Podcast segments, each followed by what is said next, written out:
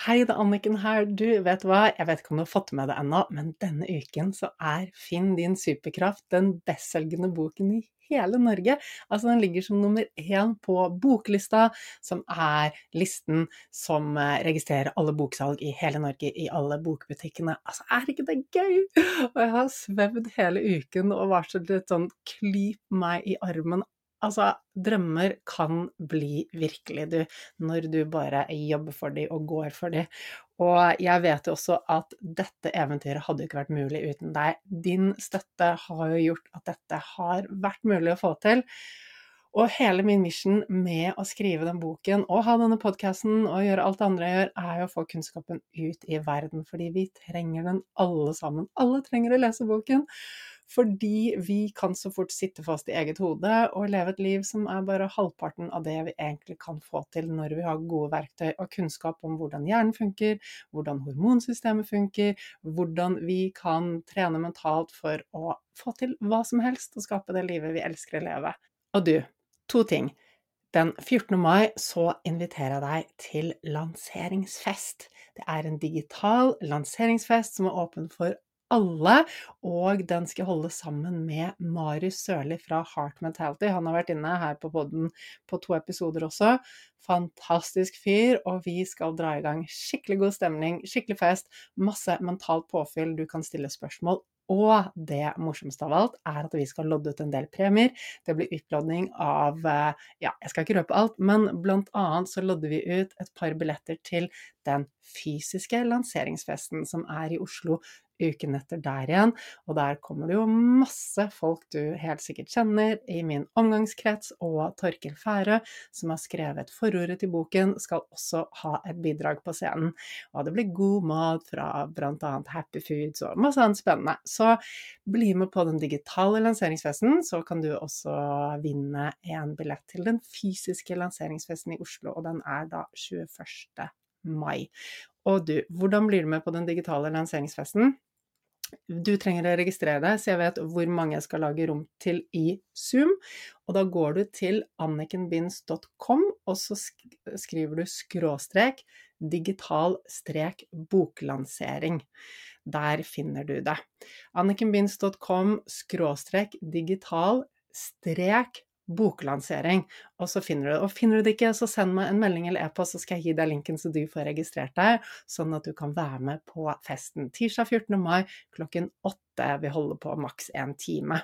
Eh, og enda en kul ting, onsdag 15. mai, til de av dere som bor i Bergen og bergensområdet, onsdag 15. mai klokken 18.00 så er jeg på Nordli i Strandgaten 1 og signerer boken. Altså, bare kom innom. Ta med deg boken om du ikke har fått den signert ennå. Du kan også kjøpe boken der, men bare kom innom. Gi meg en klem. Si hvem du er. Si hva podkasten, kurs eller boken har betydd for deg. Jeg har så lyst til å møte deg på ekte. Altså, det er fantastisk at vi har muligheten til å ha kontakt gjennom sosiale medier og alle andre digitale plattformer, men det å møtes på ekte er helt magisk.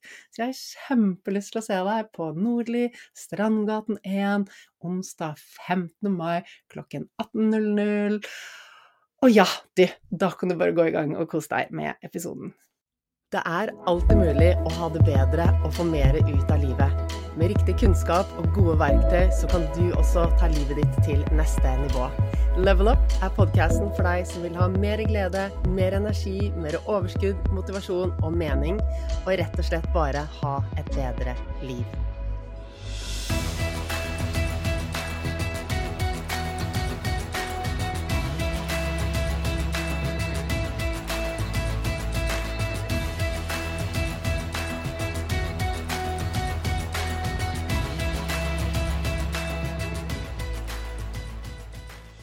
Hva har egentlig den indre stemmen vår å si for hvordan livet vårt blir, og hvordan vi har det?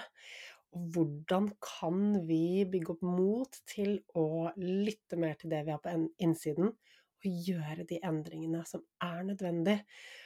Selv om det kanskje innebærer frykt å gjøre det som er virkelig, virkelig skummelt. Og hvordan kan vi tenke om livet og om hverdagen for at vi skal kunne fungere bedre og ha det bedre? Rett og slett hvordan hacke hverdagen. Dette er blant temaene jeg snakker om i ukens episode, hvor jeg er så heldig å ha med meg Stine Haslestad. Den episoden her, den vet jeg kommer til å gi deg så mye. Bare glede deg. Hjertelig velkommen til eh, Level Up, Stine. Det er så hyggelig at du er med her i dag. Tusen takk for invitasjonen. Takk for at jeg fikk være med. Og det er jo faktisk sånn at jeg tror det nesten er et år siden jeg spurte deg om du hadde lyst til å være med, stemmer ikke det? Jo, det gjorde det. Det er veldig gøy at du får det til. Ja, men ting tar tid, og vi er begge busy, og det er en prosess. Og nå snakket vi sammen før sommeren, og så sa du yes etter sommeren. Da gjør vi det. Eh, mm. Så jeg er utrolig takknemlig for at du er her. For grunnen til at jeg vil ha deg med, er at du har gjennomgått en så spennende endringsreise eh, siden jeg ble kjent med deg. Altså, du har jo vært gjennom kurset mitt, du har vært på Drømmehelgen. Og, og altså, historien din startet jo før det, men de og jeg vet jo halvparten av det som har foregått oppi hodet ditt, men jeg vet at det du har fortalt meg om de tingene som har skjedd, så er det helt, helt magisk. Så det er det vi skal dykke inn i dag. Men først og fremst så vet jeg at uh, det er flere lyttere her som er nysgjerrig på deg. Hadde du lyst til å fortelle litt om hvem du er? Mm. Ja, hvem er jeg? Uh, jeg er jo uh, Jeg er jo mange roller, holdt jeg på å si. Jeg er jo mamma. Jeg har to barn. på åtte og tolv har de blitt. Vært gift i over ti år, så jeg er jo kone. og så er jeg jo ja, en engasjert person som har gått gjennom en lang reise, og som føler at hun endelig har kommet et sted hvor hun lar hjertet styre mer enn ytre forventninger. Da. Så det er jo litt av det som er kjernen i dag, tenker jeg. Mm -hmm. Helt, helt klart. Um, og det er jo sant, det, sånn, det kan kanskje høres litt sånn klisjé og litt sånn flåst ut, bare følge hjertet og følge intuisjonen og sånn, men det er jo helt magisk hvilken endring som skjer i livet når vi klarer å få kontakt med det som er på innsiden, og begynne å følge det. Mm. Um, og, og, det er jo sånn de fleste, ikke sant Ja, du har, du har, du har foretatt endringer på utsiden også, ikke sant. Din jobbsituasjon og alt sånt er jo endret, og det tenker jeg du kan fortelle litt uh, om. Men veldig ofte så er det ikke så mange endringer som skal til på utsiden for at vi får det bedre. Det er det som skjer på innsiden. Jeg starta jo helt tilbake i, 2012 på en, måte en reise med å endre livsstil. Mannen min og jeg skulle gjøre det sammen. Vi, ja, jeg har jo hatt en lang historie med, med vekt og med selvfølelse og, og mange ting i, i, barndommen som har preget meg langt ut i voksen alder. Um, sånn at um, Ja, det starta allerede da, og det har jo vært man, ja, den klassiske at man går jo ned i vekt og tenker at da skal alt løse seg, og det gjorde det jo ikke. Uh, og finne ut gjennom ja, de siste ti årene at uh, man ikke var på rett sted. Og det å ta steget hit man har kommet i dag. Så jeg fulgte jo ikke hjertet i mange år, eh, og det endte jo opp dessverre med at man gikk på den berømte veggen. Man hadde det ikke bra. men Man hadde ikke bra i seg selv, og man var ikke den mammaen man ønsket å være, eller den kona. Da. Så det mm. påvirker veldig mange at jeg ikke ja, Som du sier, at hjerte, jeg følger hjertet, hva er det? Men jeg var ikke der jeg skulle være, etter mine verdier, da. Mm. -hmm. Du, vil du si litt mer om det? Fordi altså, det er kjempespennende. Og det er jo veldig ofte sånn at vi eh, kommer inn i den endringsreisen, eh, og så er det veldig vanlig at vi starter med kosthold. Det, ikke sant? Fordi veldig mange, akkurat sånn som du og sånn som jeg, har slitt med lav selvfølelse, følelsen at vi ikke er bra nok. Eh, en vekt som går opp og ned uh, som resultat av at vi aldri er fornøyd med oss selv og tuller oss inn i veldig dårlige vaner. Og så er liksom veien for veldig mange, det var det for meg også, eh, inn i dette med sant, helse, få det bedre, skape bedre følelser. Det er jo det vi alle vil. Alle vil Alt det vi gjør, er jo motivert ut ifra å ha det bedre og bli glad, rett og slett. Eh, og så er jo gjerne startstedet der hvor vi går inn i kosthold. Det er en enkel, enkel måte å komme inn i Altså helse- og endringsarbeidet. En sånn eh, veldig uh, enkel altså, Jeg tror er tiltrekkende port for mange å gå igjennom, da, fordi at vi nettopp eh, Og jeg tror dette henger sammen med samfunnet og perfeksjonismen og den tanken som du nettopp delte, da, at OK, når jeg bare blir mer perfekt, så blir alt bra. Mm. ja, og jeg kjenner på man jeg har jo litt den, sant, den flink pike-syndromet, eh, og det med, den, det med, ting som var perfekt. Og det som på en måte eh, med kostholdet var jo at det var noe som var lett å ta kontroll over. Eh, som på en måte Da kunne jeg kontrollere alt. Eh, man følte at man hadde kontrollen. Eh, utenom hva andre mente, eller Ja, jeg hadde kontroll. Um, men det betyr jo ikke at det var noe bra for det. Så Sånn at jeg, gikk ned i vekt og klarte å nå det målet. Men det mitt resultat var jo at jeg havnet jo i en ja, fullstendig hormonell ubalanse. Fordi at jeg spiste jo ikke riktig. Men jeg hadde jo kontroll, og jeg gikk jo ned. Men det var ikke på riktig måte. Sånn at jeg hadde det jo egentlig på innsiden ikke bra. Eh, jeg hadde jo et fordøyelsessystem som ikke var ja, i harmoni. Eh, jeg hadde hormoner som var i fullstendig ubalanse, som kort fortalt resulterte i at eh, jeg nesten ga opp å bli gravid med, med jenta mi, fordi at jeg fikk beskjed av gynekologen at det er ikke sikkert det går. Så, sånn at det, det, det, har vært en lang vei å komme, og jeg har prøvd og feilet veldig mye. Eh, så det kjennes så utrolig godt å ha kommet hit der jeg er i dag, da, hvor jeg har tatt med meg det som lærdom. Um, og jeg ser veldig lyst på veien fremover og håper at det også kan være til inspirasjon for andre. At endringer kan gjøres, og vi kan gjøre det med kjærlighet og på en god måte. Sånn at, vi, sånn at det er holdbart både her og nå og på lang sikt. Åh, så utrolig viktig og riktig. Um, og jeg tror veldig mange uh, kjenner seg igjen i den historien om at ok, du begynte med dette med mat, det var noe du kunne kontrollere. Ja, du gikk ned i vekt, men det betydde jo ikke at kroppen var sunn, ikke sant?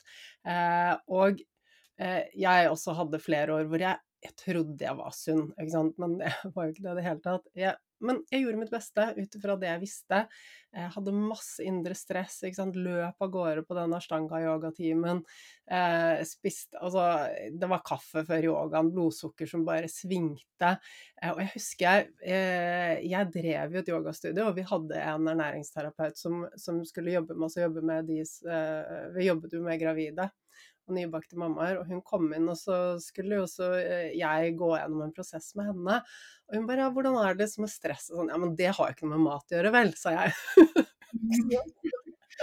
og hun bare jo, det henger sammen. Jeg bare hæ, hva er det du snakker om? Og da hadde jeg jo altså jeg hadde så mye sånn slim i halsen hele tiden, sånn kremtet og hadde masse slim.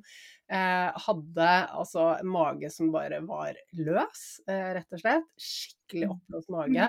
Og det hadde så mye symptomer på at Og jeg var sånn, jeg spiste maten mens jeg gjorde noe annet. Jeg satt aldri mm. ned og spiste maten, for det hadde jeg ikke tid til. ikke sant? Det er sånn, Kan ikke bruke tid på det. ikke sant? Jeg måtte jobbe, eller gjorde det mm. mens jeg var på vei et eller annet sted. Så, så det var mitt sånn første aha-opplevelse. bare sånn, Hæ?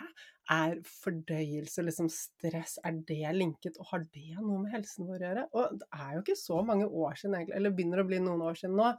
Um, kanskje ti år siden, jeg vet ikke helt. Men uansett, det er sånn OK, eh, hvis vi ikke oppsøker den kunnskapen, mm. hvordan skal vi vite det da?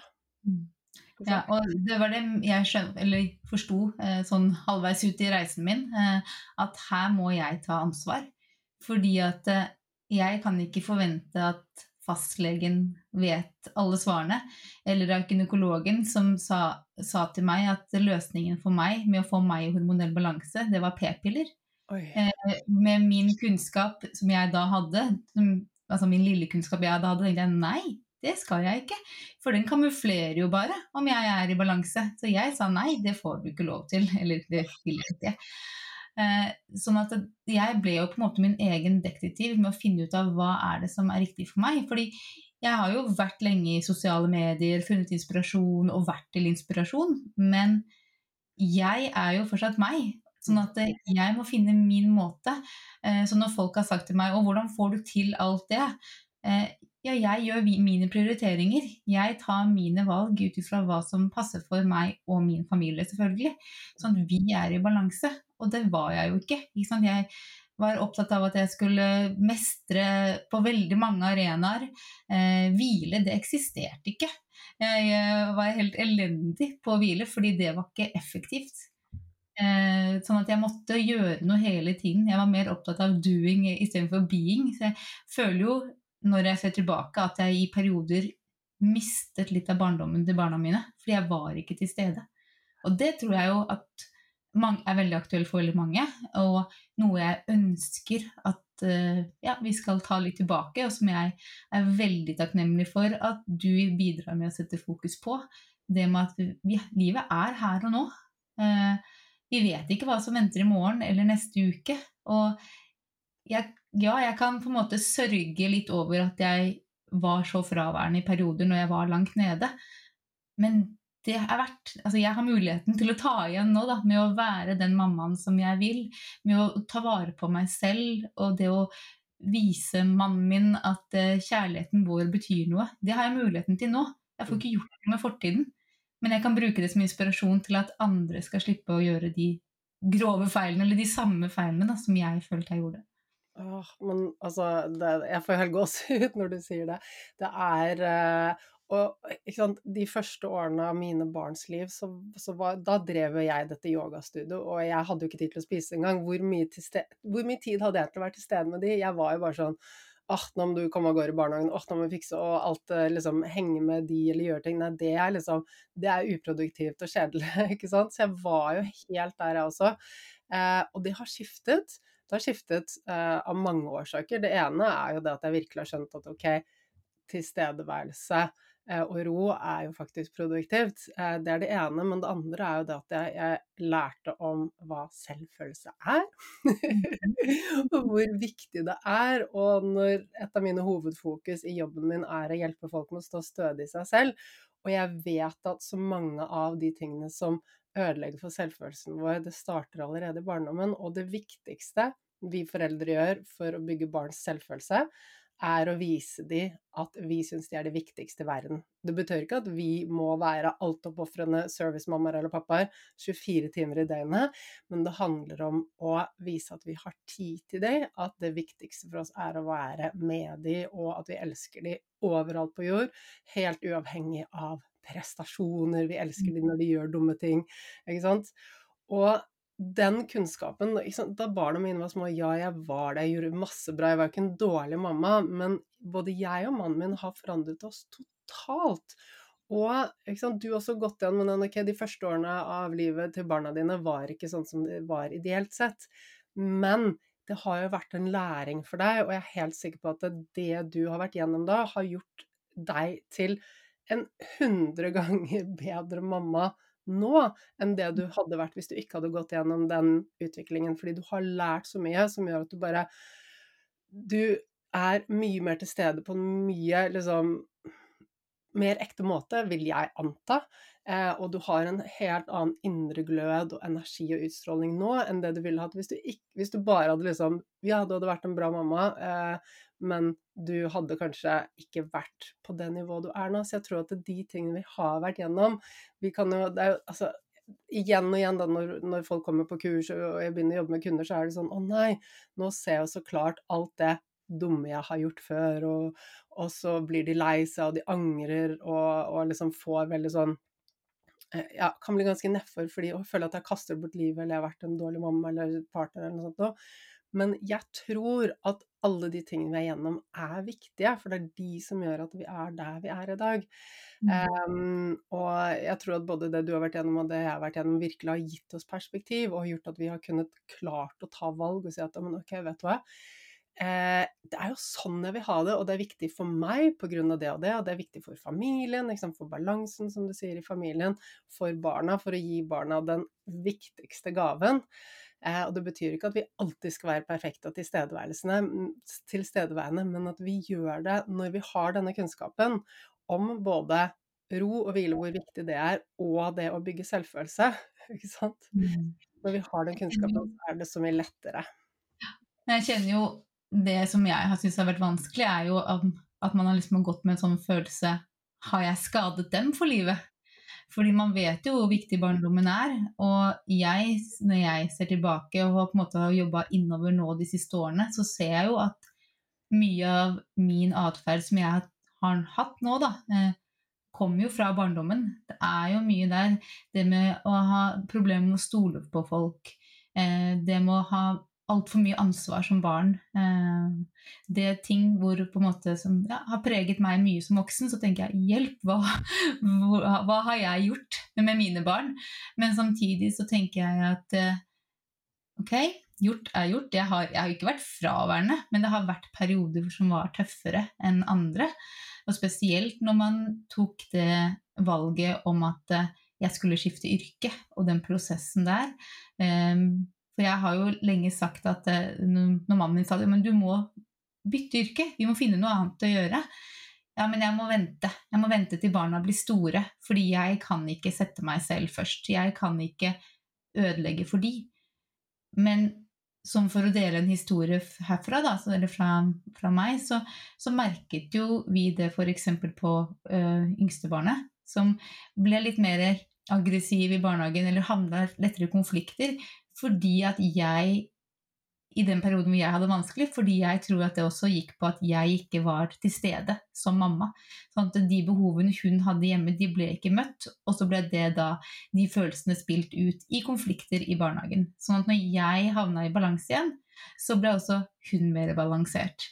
Mm. Uh, og det har vært sårt å, å se tilbake på, um, men samtidig så har det vært en lærdom, og jeg tenker at det, jeg tar igjen for det nå eh, med å vise at hun er verdifull, med å vise at, eh, at eh, man kan gjøre valg, man kan bytte. Jeg ble jo student i, i, midt i midten av 30-åra. Eh, sa opp fast jobb og gikk all in for det. Eh, og med støtte fra de. Og det å vise de det, at eh, når man ja, følger hjertet, når man kjenner etter hva som er riktig for en selv, så blir livet mer i balanse, da.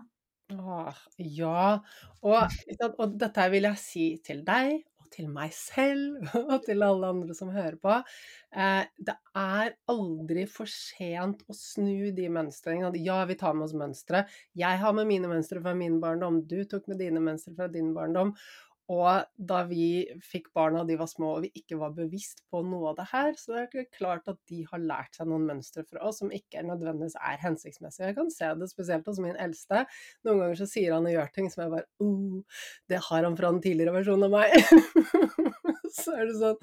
Men likevel, det gagner ingen å liksom slå oss selv i hodet for det. Fordi det, det, er ingen som Det er helt umulig å på en måte gi barna en perfekt oppvekst. Det, det, det som fungerer ikke, ikke sant. Um, og alt kan vi endre på med bevissthet. Eh, etter hvert når barna blir eldre, så går det an å snakke med dem om disse tingene. Og forklare. Og hvor verdifullt er det ikke da altså For det første så lærer de veldig mye, men også det at vi som foreldre er litt sånn ydmyke og bare vet hva, jeg var på det stedet fordi tankene mine i hodet mitt var sånn at det var det eneste viktige eller riktige.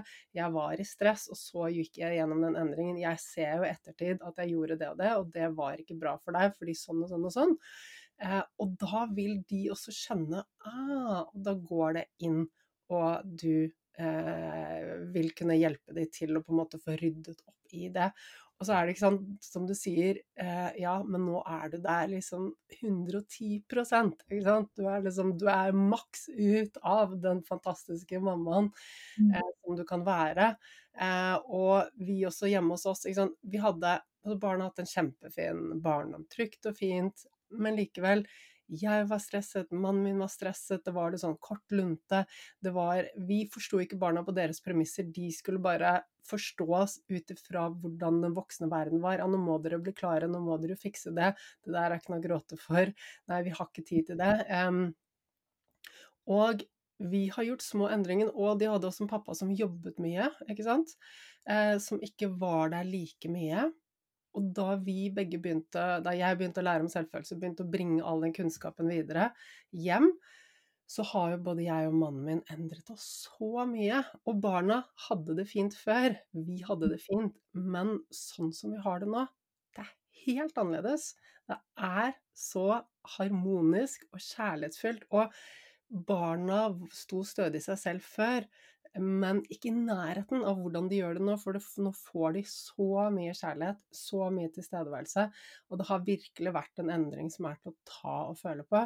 Um, selv om alt var fint før, det er ikke før liksom får den endringen at vi skjønner at oi, det var mer kortlønte, det var mer irritasjon.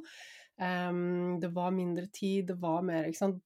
Bare det og, og, det er ikke nødvendigvis det at vi må som jeg sa, liksom være sammen med barna 24 timer i døgnet, men det er liksom de to minuttene så kan du heller stoppe opp og se barnet inn i øynene og bare OK, hva er det du har å fortelle? Istedenfor bare nei, jeg har ikke tid nå, og så løper jeg videre. Så liksom de små tingene. Mm, ja, det er akkurat det samme her. Altså, barna har hatt en kjempetrygg oppvekst. De har et stabilt hjem, de har uh, to foreldre som på en måte følger de opp og gir de det de trenger. Uh, men det var liksom noe med å være til stede med de. Så jeg ser jo òg at de reflekterer godt over ting, og at de også tar det her med seg. For nå, nå er åtte og tolv, de begynner jo på en måte å Og er jo små voksne samtidig som de skal få være barn, og det er noe som, eh, som du snakker mye om, og som jeg kjenner har blitt veldig viktig for meg òg, det er å få tilbake den derre barnligheten. Altså Den kan være barnslig, for det høres jo liksom sånn ja, lek, men den barnlige blikket på ting. Det må, for det forsvant. Ikke sant? Når jeg var, uh, ikke hadde overskudd, så forsvant den der lekenheten. Og sånn jeg husker meg i gamle dager, så var jeg jo utrolig leken og litt sånn useriøs og tullete og var liksom masse humor. Og humor er kjempeviktig og veldig stressavløsende, men det forsvant. Jeg prioriterte det jo ikke. Mens nå så er jeg jo liksom ja, åh, mamma, du er så teit, ass. Uh, og, og, leken og danser på gulvet med de, og på trampoline, og står på siden på fotballbanen og heier, og, og er med der de er. Uh, og det har betydd mye for meg å komme tilbake der og bare få lov å være uh, med de. Så ja, kjempedeilig. Ja, så utrolig magisk. Og det er jo eh, Det er faktisk sånn at lek er et biologisk behov hos alle mennesker i alle aldre. Eh, og når vi er i stress, så er jo sånn, humor og lek Det ryker jo med en gang. Men hvis vi da er eh, Hvis vi ikke er stresset da, og vi har tilgang til lekenheten, så vil Og dette her viser forskning at mennesker vil automatisk Lek er noe som automatisk reguleres Eh, av kroppen. Så hvis du har for lite lek, så vil du drives mot å gjøre mer lek. Eh, mm. Så det er et fysiologisk behov alle mennesker har. Men det er klart at eh, altså, jeg, jeg altså, selv lek og humor, det, det var strøket av listen min i mange år. ja, altså jeg har kjent på at for meg så har det vært viktig å, å bli god på å gi slipp. Mm. Fordi jeg har vært veldig tidligere at jeg liksom har holdt på ting holdt på følelser, holdt på tanker, holdt på episoder og liksom tenkt at uh, er skrevet i sten, eller eh, latt eh, andres meninger påvirke meg, eller altså, ting som har vært i fortiden. Så for meg så liksom, har jeg tenkt at ok, den ryggsekken min da, med fortid, den er for tung. Jeg kan ikke gå og bære på den hele livet, for den fylles jo hele tiden, hver eneste dag. Så hvis jeg aldri tømmer den, så blir den så utrolig tung å bære. Så for meg så var det visuelt bare viktig det å klare å gi slipp, da. Tømme den sekken, ta en liten opprydning og få bort det nederste. Eh, ikke det at jeg skal glemme fortiden, fordi det er jo med å forme meg, men det å liksom gi slipp og si at eh, ja, det har vært, og jeg har lært av det, men det betyr ikke at det er, er meg i dag. Mm. Sånn at de fryktene eller de sperringene jeg hadde, eller de tingene ja, som mamma eller som meg selv som har foregått, gi slipp på de, og så gå videre og ta det med som lærdom og heller fylle på sekken med nye ting. Det har liksom visuelt vært viktig for meg å bare ta med meg i reisen nå, eh, med ja, når jeg nå går inn i en ny fase og har fullført en utdannelse og ja, nye, nye, ting som venter, så har det liksom ja, vært viktig for meg, den prosessen. da. Ja, det jo, altså, men det du beskriver her, da, er noe av det folk sliter aller mest med. Eh, det å akseptere seg selv, akseptere de tingene som har skjedd, de valgene man har tatt, og så gi slipp på det. Eh, og det at du har kommet dit hvor du klarer å gjøre det, betyr at du står mye sterkere i deg selv enn det veldig mange andre gjør, og det du gjorde før. Eh, og det er liksom det er den gjengangeren når folk begynner å bygge opp indre styrke og få det bedre på innsiden, um, så er det sånn Men hvordan skal jeg klare å gi slipp? Hvordan skal jeg klare å akseptere? Fordi det er når vi ikke er trygge på innsiden, så har vi så kontrollbehov. Eh, vi trenger For vi har ikke den indre tryggheten i oss selv i det hele tatt. Og da ender vi opp med å holde fast på alt. Eh, for det krever litt sånn Altså vi kan også fysisk med kroppen og pusten og alt sånn liksom gjøre en sånn åh, jeg gir slipp. Men det, det, er litt sånn som å slippe seg ut i fritt fall, på en måte.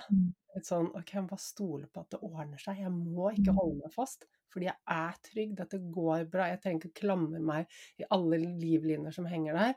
Um, så, så, jeg vet at veldig mange jobber med eller syns at det er utfordrende, da. Men hva det er skummelt. Det er det en stor sjanse for at man feiler.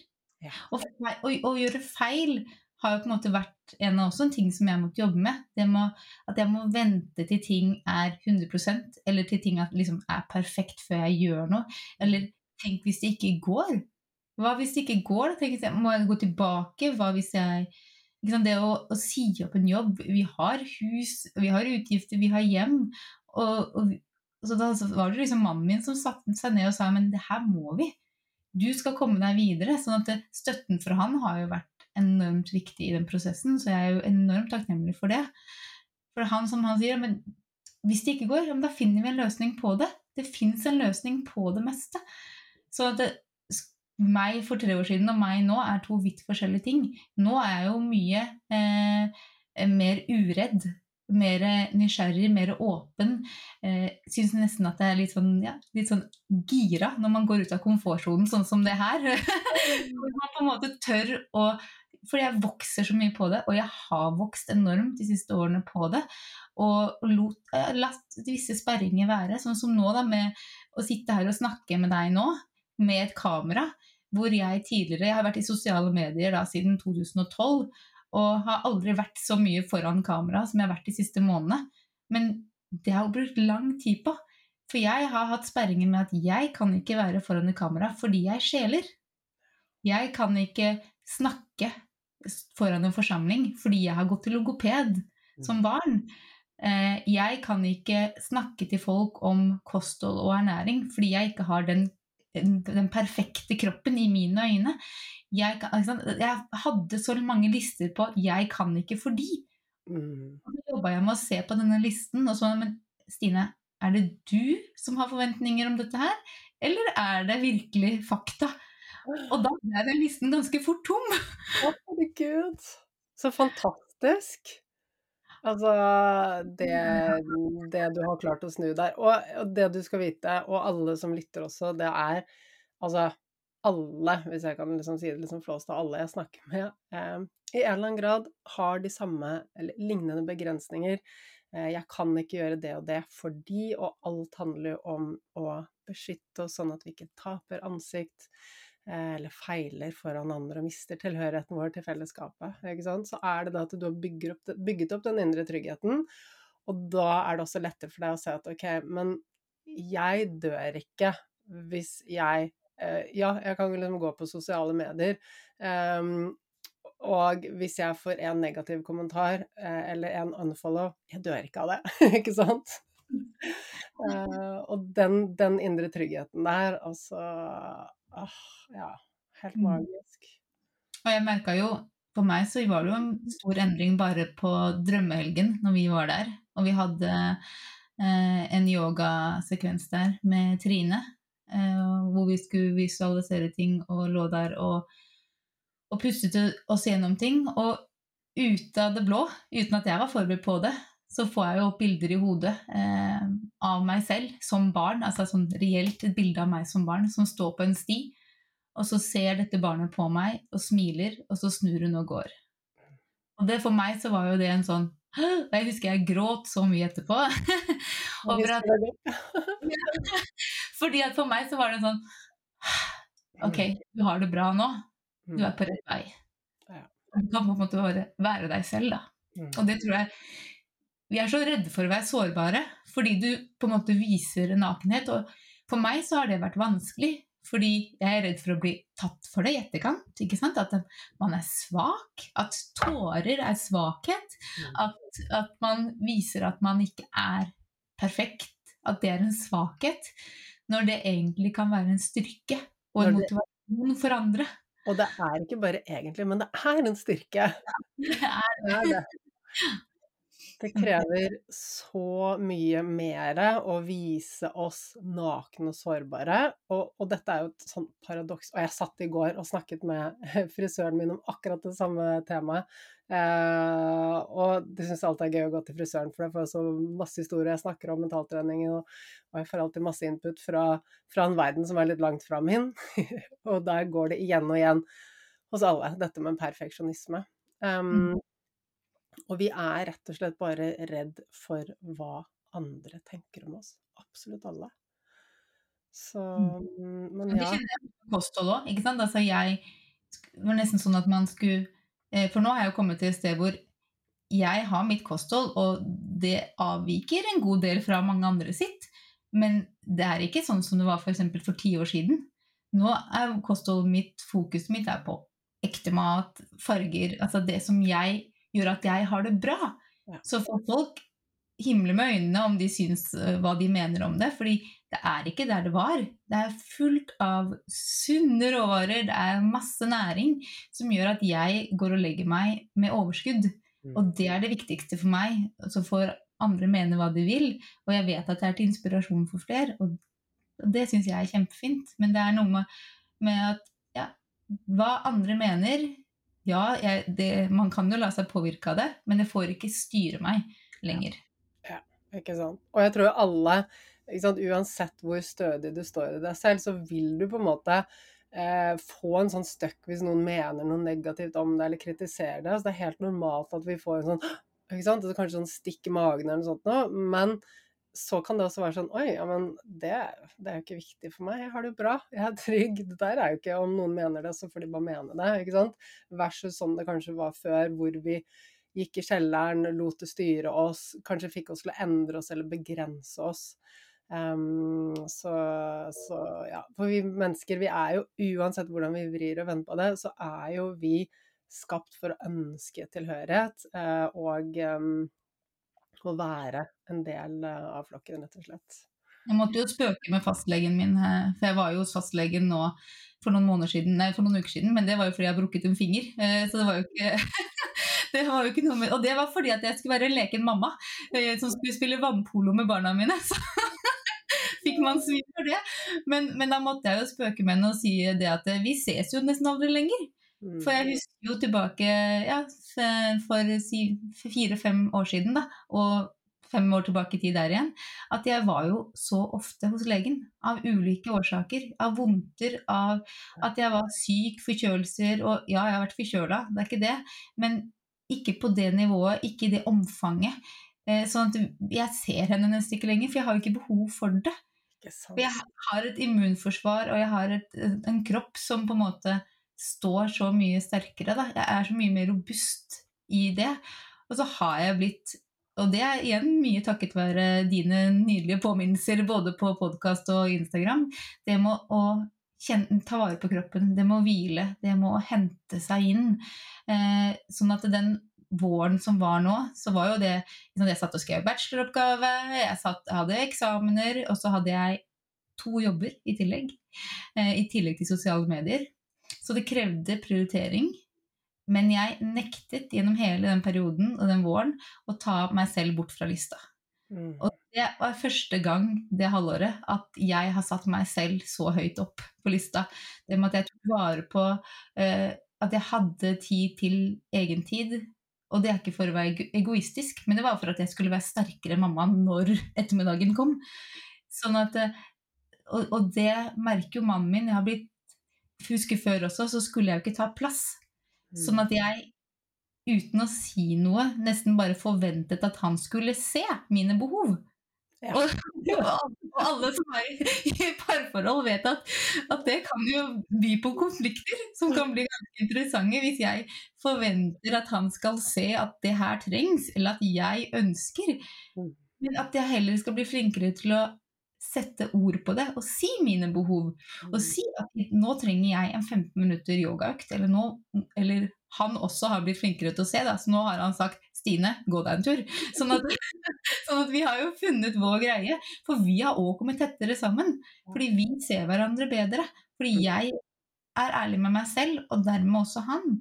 Og vi kan da tilpasse hverdagen vår bedre sammen, sånn at vi ikke havner på det der konstante jaget, sånn som vi gjorde før.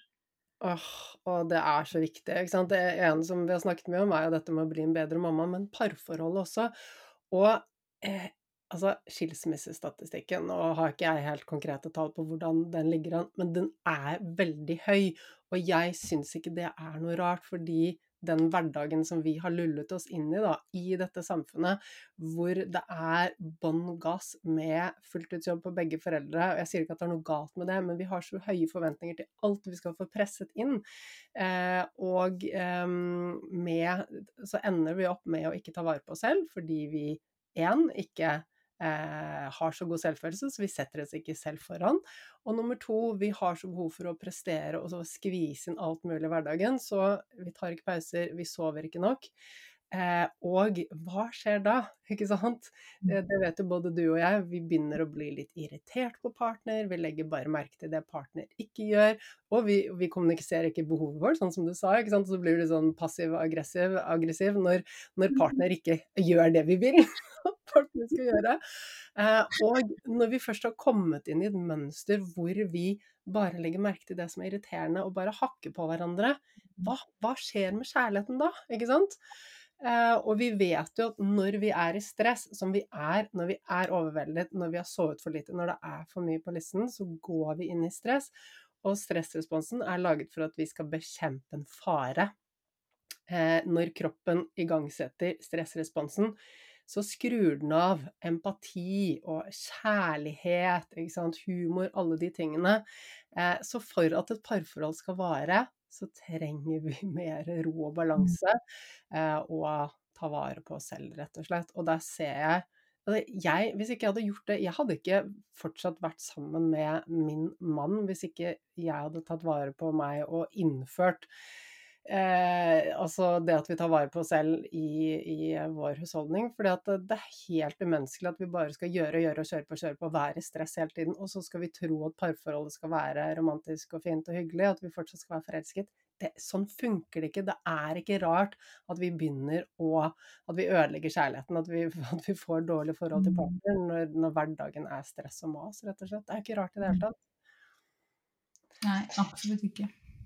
Så det er veldig gøy. Men det, så, altså, så mange fine ting du har delt, Stine. Tusen, tusen takk for det. Og så er jeg veldig sånn Hadde du hatt lyst til å liksom ta oss gjennom litt sånn Hva var det som skjedde da du du, ja, du sier at du har vært på denne reisen lenge, men du kom til et sted hvor du bare Det gikk ikke lenger, og du tok et stort valg og, og gjorde endringer, begynte å studere og alt sånt. Har du lyst til å fortelle litt om den reisen?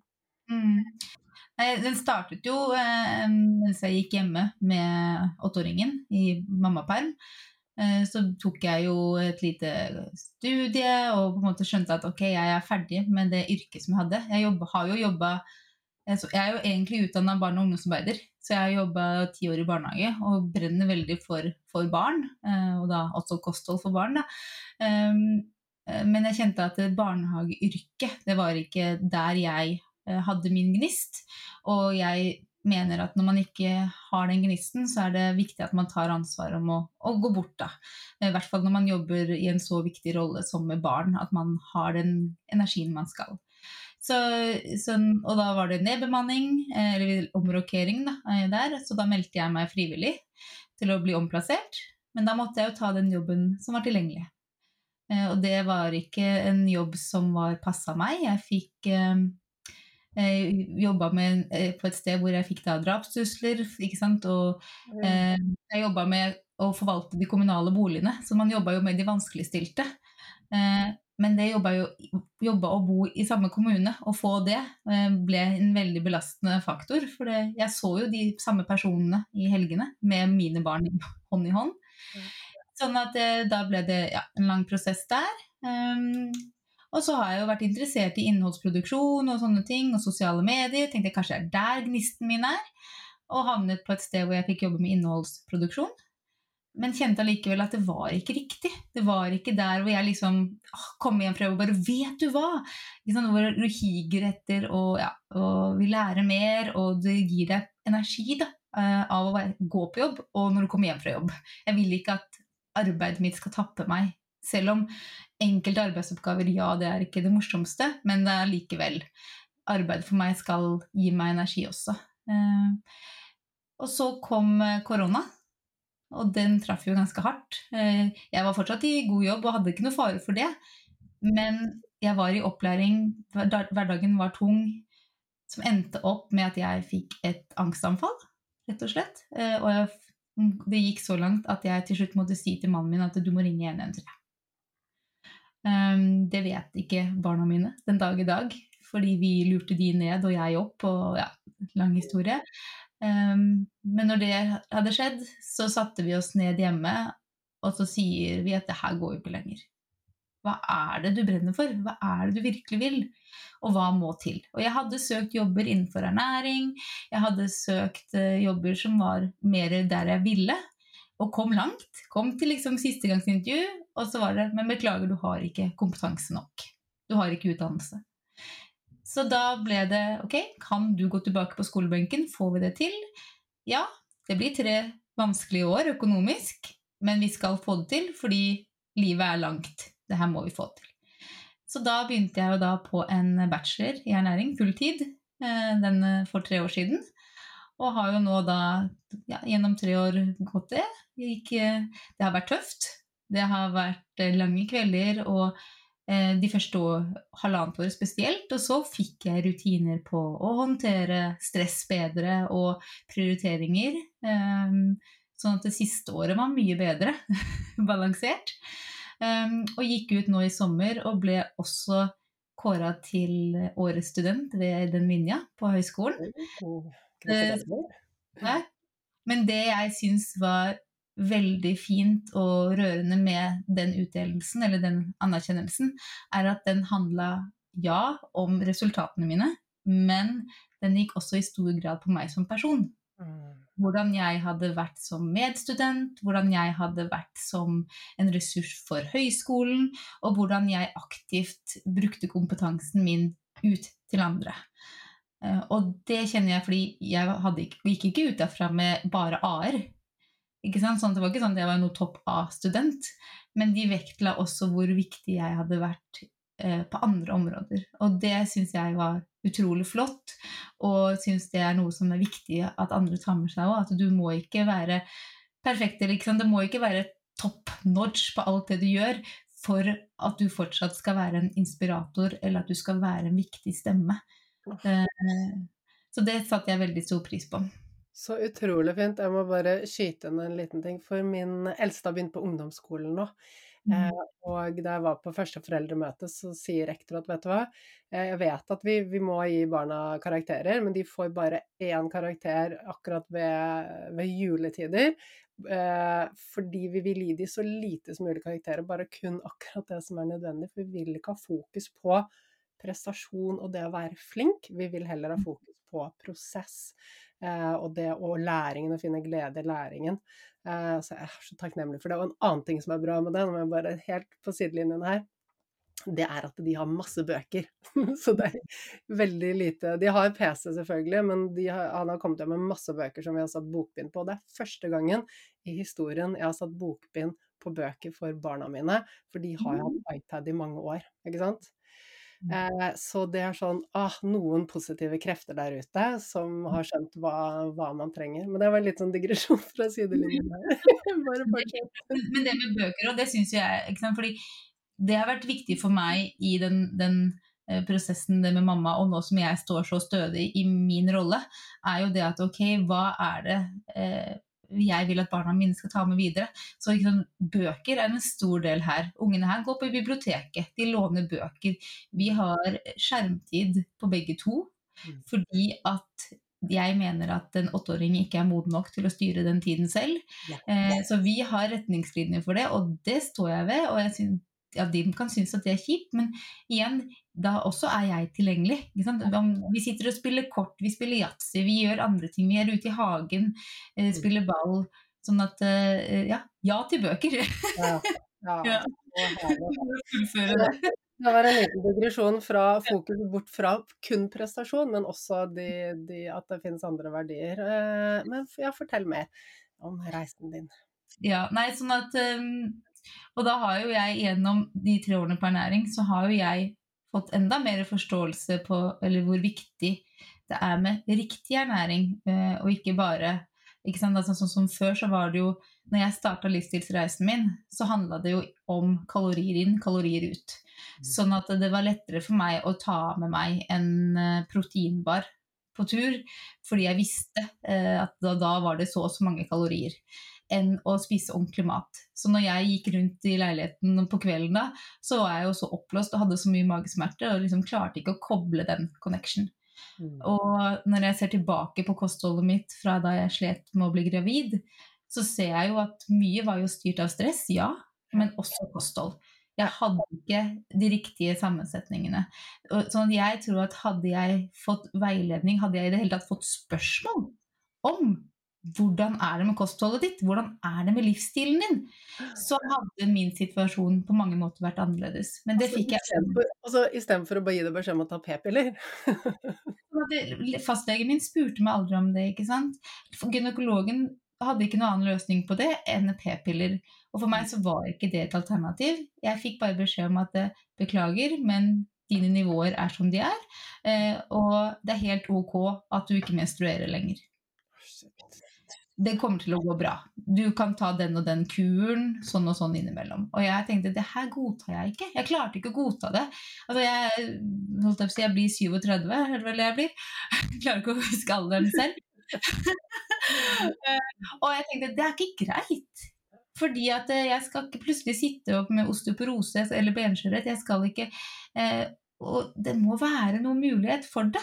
For det er jo sånn som Ja, sånn som nå, da. Jeg har en knekt finger.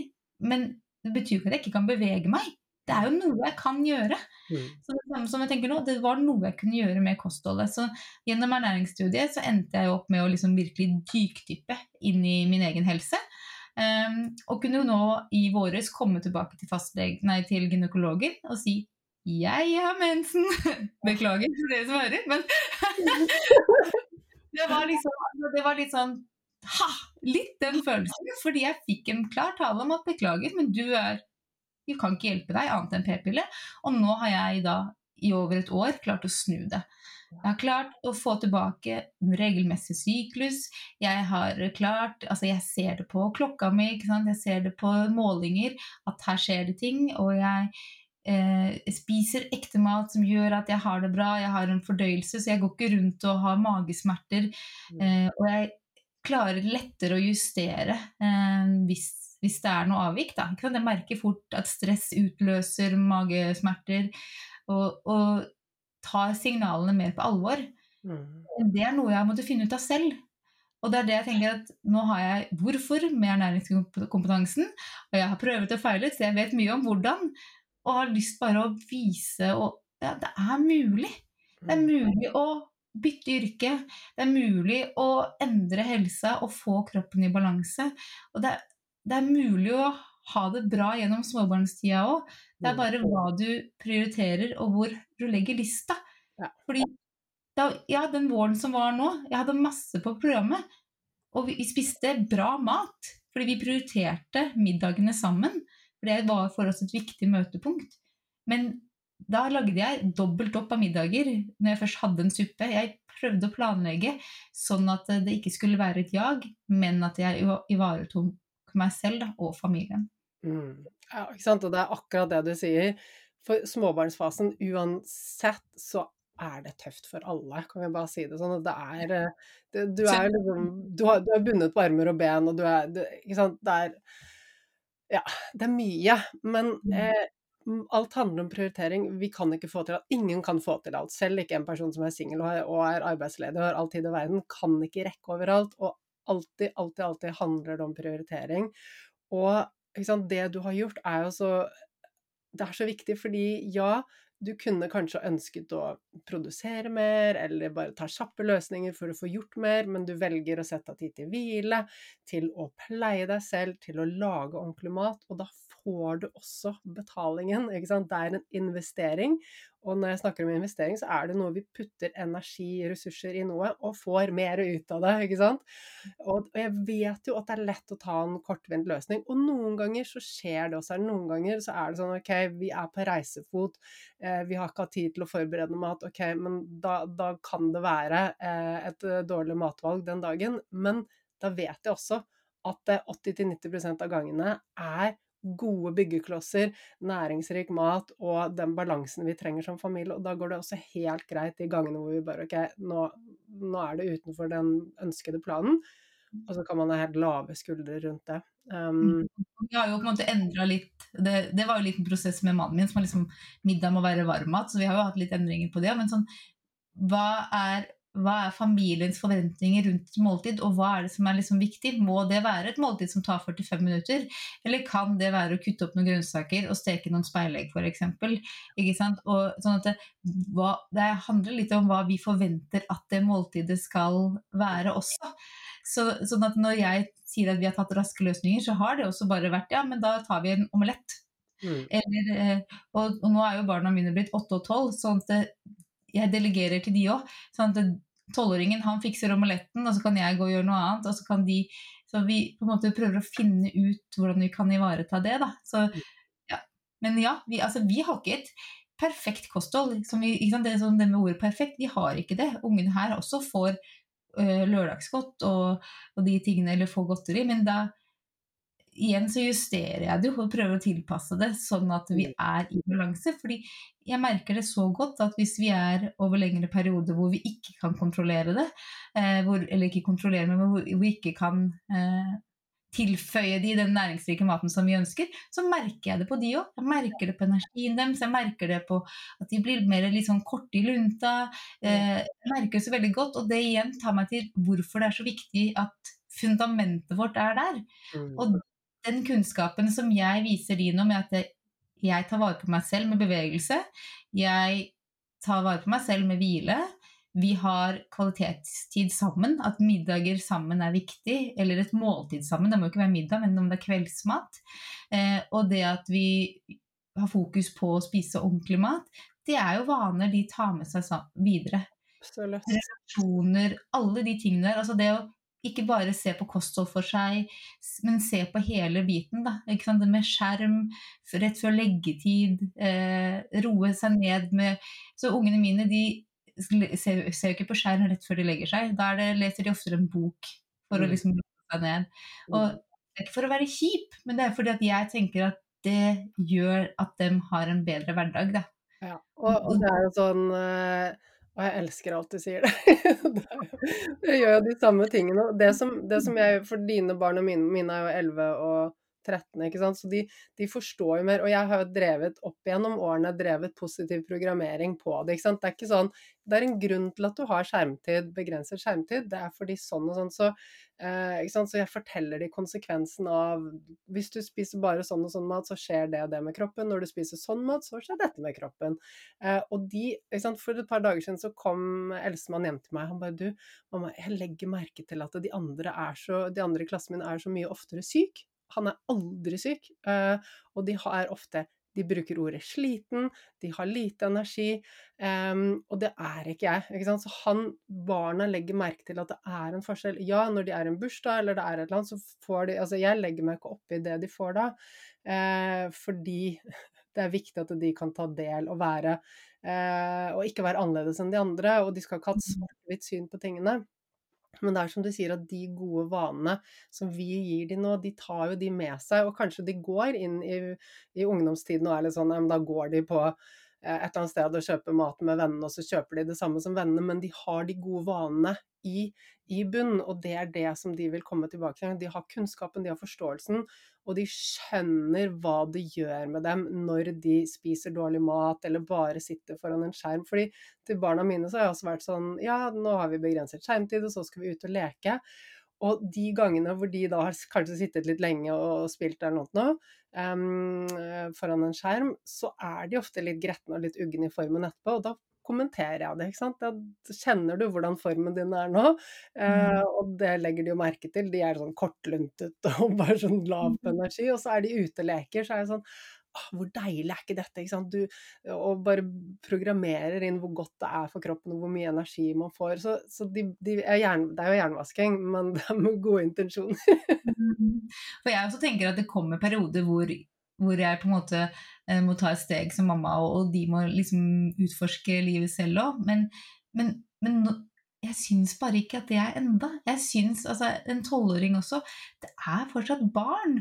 Og når jeg ser ni-tiåringer som går rundt på et senter med bankkortet for seg selv etter skolen, og det, det, det er liksom null restriksjoner for hva de kan kjøpe, så, så tenker jeg de er barn. De er ikke modne enda for å kunne ha det. De må ha veiledning. Jeg husker fortsatt eh, for noen år siden når jeg sier til eh, sønnen min at eh, hvis du er sulten og du går forbi butikken og spør om du kan kjøpe noe, du kan kjøpe én banan. Og en pose med nøtter, f.eks. Det er helt lov. Hæ? Kan man kjøpe én banan? Så noen må på en måte gi de inspirasjonen til at det fins alternativer. Mm. Raskere enn å bare ta den bolla som koster liksom ja, tre stykk for 30 kroner. Typ, vi må veilede de, og vi må også jeg syns det er kjempegøy at de har tillit til meg til at vi kan snakke som sånn type venner, eh, for de er veldig åpne. Men samtidig så er det viktig at jeg ivaretar rollen som mamma òg. Mm. At jeg, jeg, skal sette grenser, eh, men med kjærlighet. Og jeg setter ikke grenser for å være kjip. Jeg har mitt hvorfor i bunn. Og, og det er jo litt liksom, på grunn av min egen barndom, at jeg vet jo hvor langt det tok med meg ut. Jeg husker jo min egen ungdom. Eh, hvor jeg, jeg, kan se for meg når jeg kommer hjem fra skolen og jeg bare legger meg ned for å sove. Jeg hadde jo ikke energi. Jeg hadde ikke overskuddet. Um, for, jeg, for, jeg, spiste jo ikke næringsrik mat. For meg så var grønnsaker agurk. Det var det jeg spiste. Og jeg kunne utforske meg selv med litt mais, liksom. Da, men det var, og jeg ble ikke utfordra på det heller. Så, så, det å forklare barna og, og, gi dem litt forklaring på hvorfor, etter det nivået de er på, eh, og inspirere dem, eh, men samtidig at vi, ja, vi, må ta vare på at vi er mamma. Og vi er foreldre, og vi skal kunne sette grenser, eh, selv om de er nå da åtte og tolv, tenker jeg da. Mm. Ah, magi. Veldig enig med deg. Altså for, altså for, en fantastisk eh, samtale. Så utrolig mye fint og delt. Og jeg tenker at det jeg sitter igjen med, er at det, altså, du har gjort så mange altså, modige og nødvendige valg. Da, ikke sant? Du kommer til et sted i livet hvor du bare Ok, det er nødvendig. Du hadde mannen din som bare Ok, nå, nå trenger vi en endring, som har støttet deg. Så takk og pris for at han har vært en støtte. Men likevel så det krever så mye mot og ta det skrittet. Som du sa, nei, jeg kan heller gjøre det når barna blir store, det passer ikke nå. Hva, mm. hva tenker du liksom, er det som er grunnen til at du turte, eller at du skjønte at du faktisk var modig og, og trosset frykten og bare tok de valgene, som jo har vært fantastiske, som gjør at du og familien er på et annet sted den dag i dag. Mm. Hva, hva er den lille greia som gjør at du fikk til å ta de stegene? For meg, altså for meg så fikk jeg jo en en påminnelse om at livet er her og nå. Mm. Jeg vet jo ikke eh, hvordan ting er. Og, og, jeg har jo også mista nære familiemedlemmer altfor tidlig. Sånn at, øh, sånn at, man vet jo det at det, eh, ting kan skje. Og, og ja, øh, vente til barna blir store. Men, men jeg frarøver de jo en barndom også, som kunne vært mye mer magisk. Eh, sånn at det, for meg så var det bare at nei, jeg kan ikke miste meg selv oppi dette her, for mm. veien opp blir så tøff. Veien opp blir altfor lang at det, det, kanskje jeg ikke kommer meg opp igjen. Så det, det, er nå. Det er nå vi skal leve. Og så tar vi en dag av gangen. Og ja, går det skeis, så fins det en løsning for det også. Og så får jeg ta det når det kommer. Men jeg kan jo ikke eh, tenke på alle mulige konsekvenser som kanskje ikke skjer. Så får jeg ta det når det skjer. Og, så, og sånn som nå, liksom, jeg ferdig, før jeg var ferdig med å studere, tenkte jeg ja, men hjelpe meg, hva med jobb? Altså, jeg, nå sier jeg jo opp jobben når jeg begynner å studere, men jeg har jo ikke noe jobb å komme tilbake til. Så vil det løse seg? Vil det gå bra? Og da er det jo mange runder å gå med seg selv i. Skal man bare hoppe på den, eller skal man ta noen gode pust, og så Det ordner seg. Det, det som, og det gjør det jo som regel. Eller så må du gjøre justeringer. Men ikke vent. Fordi ja, plutselig så skjer det et eller annet som gjør at det, du ikke går glipp av det. Og mest sannsynlig så går du glipp av mye magiske ting hvis du venter. Så. Akkurat det. Og, og altså, jeg likte så godt det du sa at mannen din hadde sagt at ok, men hvis det ikke funker, så finnes det alltid en annen mulighet. Det er ikke sånn at vi brenner alle broer hvis du slutter i den jobben og prøver noe annet. Så vi lever i Norge. Vi, vi, det er veldig trygt og godt her. Vi klarer å få oss en ny jobb. Det finnes en løsning, ikke sant. Så, så vi er ofte så redde. Når man er, har, det, har, det, tøft, sant? så er det så vanskelig. Fordi man, man, ser ofte begrensningene mer enn man ser mulighetene. Mm. Sånn at ja, for meg så var det veldig viktig eh, å ha hans støtte. Mm. Så, så, sånn at hvis du, i, hvis du, ikke har en partner, da, at du er alene, eh, prøv å se hvem i nettverket som du kan ha som støttespiller. Som kan på en måte løfte deg opp og vise deg, og på en måte vise deg vei. Og si at det er mulig å ja, gi deg det håpet. Fordi det er håp i det meste, og så må du bare ha trua på det. Eh, og det har jo vært dager hvor jeg tenkte at det her går ikke. Eh, og, da har jeg jo hatt påminnelser fra han, men samtidig så har jeg fått andre bekreftelser også, sånn inni meg selv, om at det her er riktig. Jeg er på riktig vei. Eh, jeg, sånn jeg, når jeg føler at jeg presterer bedre som mamma, når jeg føler at jeg har det bedre, og at helsa mi plutselig er i balanse igjen, da tenker jeg at ja, da er jeg på riktig vei. Er, her skal jeg være. Og så er jeg, tenker jeg, at vi må samtidig være åpen for å utvikle oss, fordi livet står ikke stille. Kunnskap er ferskvare. Vi må være åpne for å endre oss, og på en måte, ja, men samtidig holde på da, den vi er i, i, ja, på reisen, tenker jeg. Mm.